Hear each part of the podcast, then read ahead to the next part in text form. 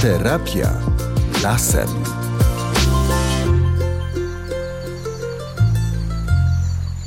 Marek Michalski, dzień dobry. Rozpoczynamy drugi odcinek naszego cyklu, w którym opowiadamy Państwu o czymś, co może nieco na wyrost, ale pozwolę sobie nazwać zieloną rewolucją w myśleniu o e, zarówno leczeniu, jak i o profilaktyce e, zdrowia. Terapia lasem, czyli mm, zdrowotny wpływ kontaktu z naturą, e, wystawienie się na różne bodźce, które właśnie można znaleźć e, w lesie. E, tydzień temu mówiłem Państwu, no nie tylko ja, bo też i fachowcy oczywiście, o tak zwanych zielonych receptach, czyli o tym, że są już lekarze również w naszym kraju, którzy wystawiają tak zwane recepty, czyli wskazania dla pacjentów do przebywania w określonym środowisku. Na przykład w Parku Narodowym, w lesie sosnowym i tak dalej, biorąc pod uwagę to, jakie w takim lesie są wydzielane substancje przez e, rośliny, które mogą mieć świetny wpływ na nasze zdrowie. Mm, nie wiem, czy Państwo tak mają, ale ja kiedy w środku zimy myślę o lecie na przykład, to pierwsza myśl to jest powietrze. Inny zapach, jakby inna gęstość, inna wilgotność. I pewnie to nie jest przypadek, bo węch jest naszym najstarszym ewolucyjnie zmysłem. E, okazuje się również, że między hipokampem, czyli ośrodkiem pamięci w mózgu, który jest też magazynem naszych wspomnień, a właśnie obszarami węchowymi człowieka jest bardzo silne połączenie. I między innymi na ten temat e, porozmawiałem z Anetą Mojduszką, która jako psycholog swoich pacjentów często zabiera właśnie do lasu. W hipokampie mieści się ośrodek wszystkich procesów poznawczych, ośrodek pamięci, a zatem i wspomnień. Czyli jeżeli będziemy aromatyzować się, doświadczać różnych zapachów, e, wtedy możemy właśnie wracać na przykład do jakichś naszych ważnych wspomnień z dzieciństwa, z ważnych chwil, które być może nas będą uspokajać, na przykład. A ty masz jakiś taki zapach? Tak, to jest zapach skoszonej trawy i kwitnącej lipy.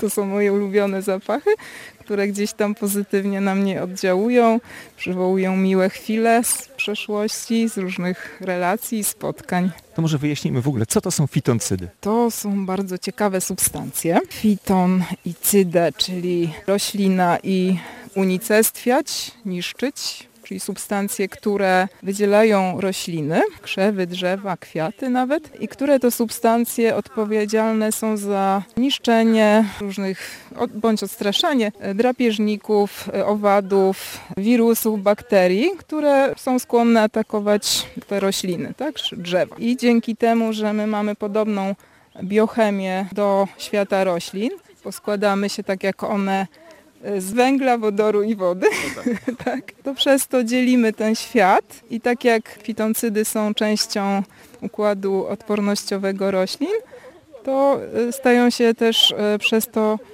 korzystne dla nas, bo my korzystamy jakby z tych mechanizmów obronnych drzew i świata roślin. Właśnie, to jakby ewolucyjnie musiało nam służyć, skoro ludzkość właśnie przez tyle lat wyrastała w lesie. Tak, można powiedzieć, że nasz układ odpornościowy dekoduje, odczytuje w jakiś sposób te informacje ze świata roślin e, i sprzyja naszemu zdrowiu, przez to, że wyrastaliśmy w naturze przez no, ponad 300 tysięcy lat jako gatunek Homo sapiens, tak? Jako gatunek Homo sapiens, jak, natomiast jako Homo można się doliczyć miliona 300 tysięcy, a nawet y, dłużej. O tym też będziemy jeszcze w przyszłości mówić w terapii lasem.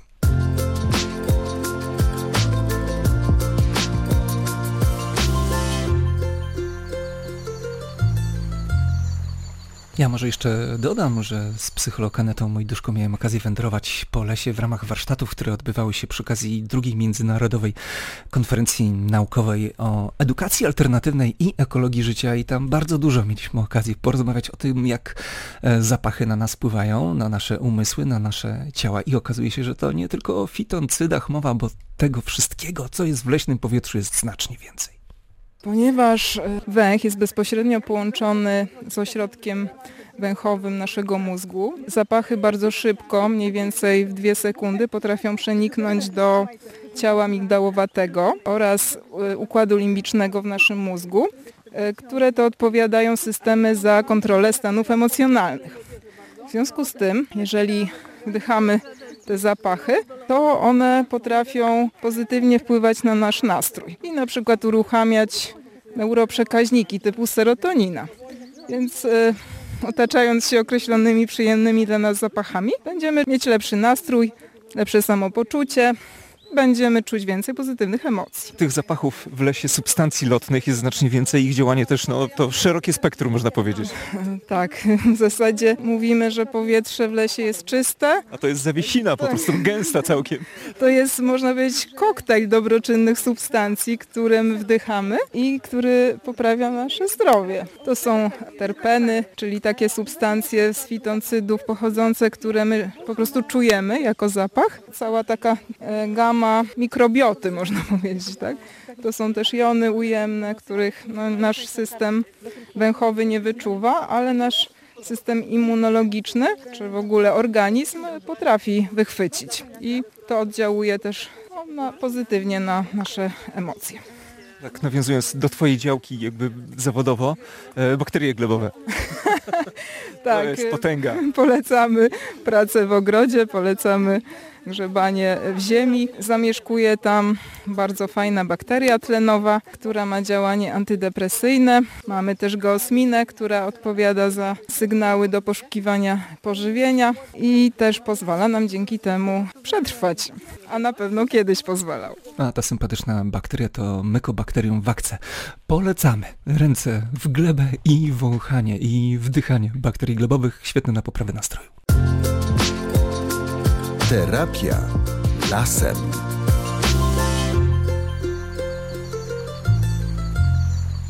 Mówimy dzisiaj o wpływie zapachów e, takich naturalnych, prosto z lasu, ale nie tylko może i z lasu, na nasze zdrowie, na psychikę.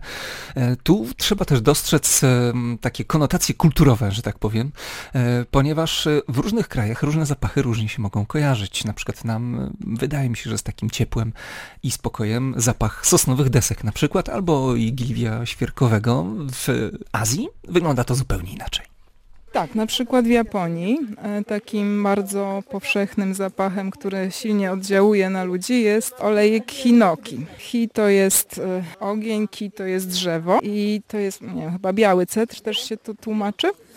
I to jest zapach powszechny w Japonii, bo z tego drzewa są na przykład budowane świątynie, domy japońskie, różne elementy z drzewa.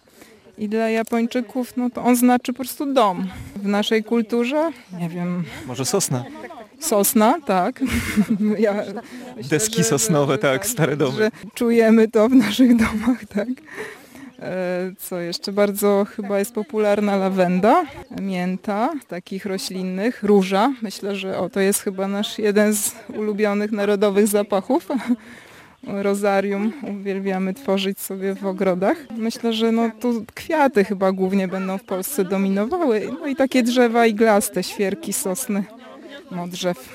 Czy ty w swojej pracy jako psycholog wykorzystujesz zapachy? Tak, na przykład w gabinecie, jeżeli pracuję oczywiście w gabinecie, bo najchętniej w naturze, w zielonej przestrzeni. Postaram się używać dyfuzora i tam dobieram takie olejki, które mają działanie wyciszające, uspokajające, troszeczkę energetyzujące nas, poprawiające pamięć i koncentrację. Często zdarza Ci się właśnie pracować w naturze. Mówię w kontekście psychologii na razie, a jeszcze nie kąpieli leśnych. Staram się, żeby było to coraz częściej. Na pewno jest to duży progres i coraz częściej wracam z ludźmi, z grupami do natury właśnie i do odtwarzania tej więzi, która nas łączy właśnie z przyrodą. Jak pacjenci reagują na taką propozycję? Na początku są dosyć skonsternowani, bo są przyzwyczajeni do konwencjonalnych form pracy psychologicznej, ale jeżeli już się udaje przełamać ten opór, to naprawdę wychodzą bardzo zadowoleni, zrelaksowani. Ich skale w kwestionariuszu POMS znacznie wzrastają.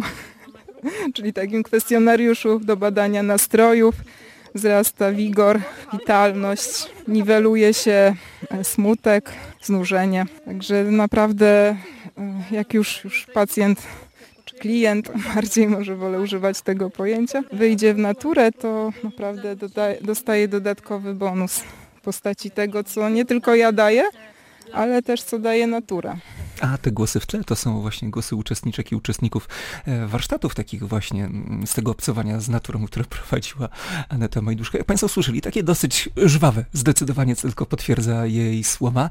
E, oddajmy jeszcze głos na chwilę doktor psychiatrii Katarzynie Simonienko właśnie a propos tego, że my jesteśmy po prostu częścią natury to jest nasze naturalne środowisko i to wspiera nasze zdrowie, bo my stąd jesteśmy. To jest e, habitat, z którym my jesteśmy połączeni bardzo wieloma zależnościami. Jeżeli nas się stąd wyrwie i wsadzi się nas do e, urbanistycznego klocka pod tytułem e, biurowiec, no to będziemy się zachowywać tak jak zwierzaki w zoo z przewlekłym stresem i e, nasze zdrowie na tym będzie cierpieć, więc możemy sobie utopię wymyślać, ale tak naprawdę natury nie oszukamy. A w jaki sposób miasto nas stresuje, środowisko miejskie? O tym sobie opowiemy innym razem, ale to jeszcze oczywiście nie koniec dzisiejszej terapii lasem. Terapia lasem. A przy okazji właśnie polecam Państwu adres mailowy pisane razem terapia lasem małpa Radio Olsztyn, też pisane razem.pl, terapia lasem małpa Radio Olsztyn.pl. Gdyby Państwo mieli jakieś sugestie, pytania, wątpliwości, proszę się nie krępować, jesteśmy do Państwa dyspozycji. Powracamy jeszcze do dr Katarzyny e, Simonienko, mm, którą poprosiłem o wyjaśnienie pewnego terminu, a mianowicie syndromu trzech krzeseł. Cóż to takiego?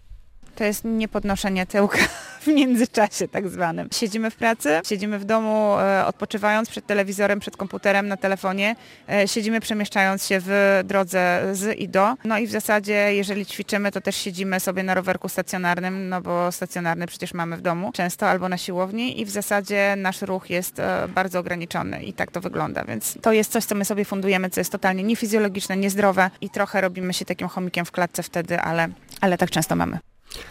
O, to prawda. Proszę sobie to wziąć e, do serca i się ruszać nie tylko po lesie, ale generalnie ruch im bliżej natury, tym na pewno zdrowszy. Mm, a przy okazji e, Katarzyna Simonienko jest też członkiem zarządu Polskiego Towarzystwa Kąpieli Leśnych i gdyby Państwo szukali jakiejś wiedzy na temat terapii lasem, to właśnie owo towarzystwo ma misję popularyzowania i adres ich strony internetowej to kąpieleleśne.pl pisane razem kąpiele leśne.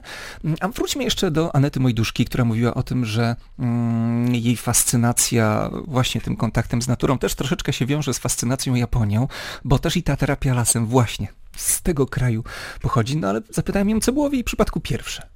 Był proces ewolucji tak naprawdę. Pojawiły się poprzez książkę doktora Lee, która no, była jedną z pierwszych na naszym rynku o kąpielach leśnych. Dla mnie jest taka biblia troszeczkę, która zbiera wszystkie informacje w sposób kompleksowy. No i jak ja to zobaczyłam, to dla mnie było jak olśnienie, jak eureka, jak jabłko Newtona. Po prostu było takim sednem, tak, że ja po prostu mi się wszystko połączyło. Moja psychologia, kultura japońska, którą studiowałam i natura, której byłam zawsze blisko.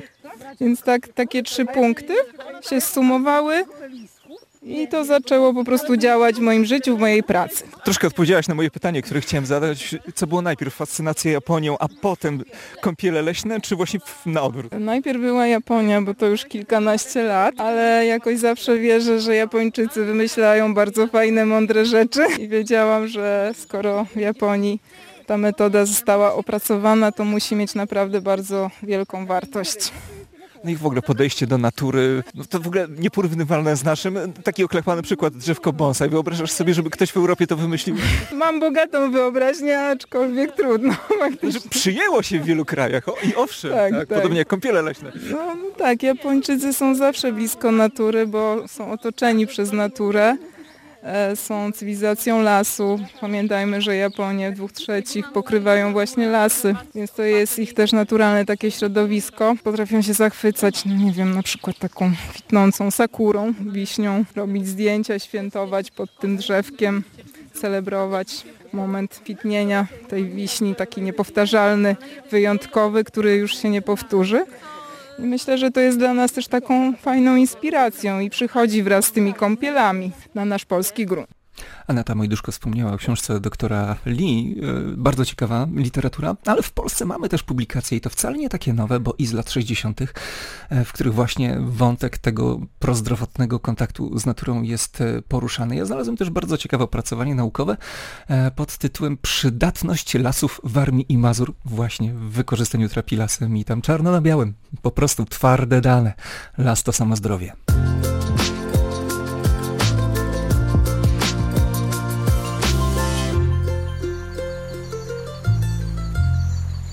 Pierwszym odcinku naszego cyklu pojawiły się takie terminy jak e, ekoterapia czy ekopsychiatria. Teraz pora na trzeci, ekopsychologię.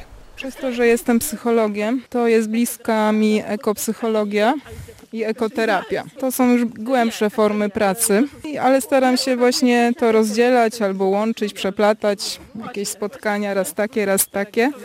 Skoro pojawił się termin, eko, termin ekopsychologia, Troszkę sobie próbowałem czytać na ten temat, ale takie opisy są niespecjalnie konkretne, przyznam szczerze. Jakby ta antropocentryczna wersja psychologii, gdzie skupialiśmy się tylko na ja, na naszych problemach wewnętrznych, ewentualnie z relacjach z, w rodzinie, okazała się w pewnym momencie niewystarczająca i Potrzeba było takiej szerszej wizji człowieka, który jest w relacji z naturą, w przyrodzie, w jakimś otoczeniu. I ekopsychologia nam to daje, tak? Czyli uwzględnia to, jak natura na nas wpływa, jak my oddziałujemy na naturę, jakie mamy też te relacje i staramy się dzięki ekopsychologii i poczuciu tego połączenia więzi po prostu odbudowywać. Także jest to raczkująca jeszcze, myślę, chociaż gdzieś tam odkrycia już pochodzą z lat 70. Pierwsze teorie i tezy, ale jakby taka praktyka no, wciąż jeszcze się rozwija.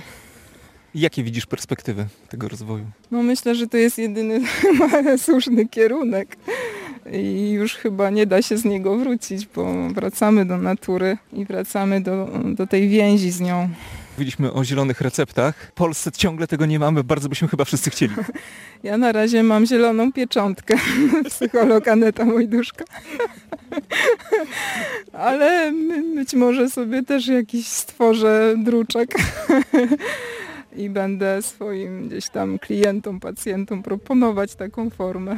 No ale właśnie zalecasz im? Jak najbardziej. Zalecam spacery do lasu, zalecam wszelkie aktywności w naturze ale też żeby robili to stopniowo, tak? Żeby się oswajali w taki sposób powolny, tak? Bo niestety mamy różne lęki związane z naturą. Wiele osób nie potrafi ich jakoś tam w sobie przezwyciężyć, więc to jest taki dosyć proces stopniowy. I o tym też będziemy rozmawiać w kolejnych odcinkach naszego cyklu. To już wszystko na dzisiaj. Za uwagę dziękuję Marek Michalski. Do usłyszenia. Terapia lasem.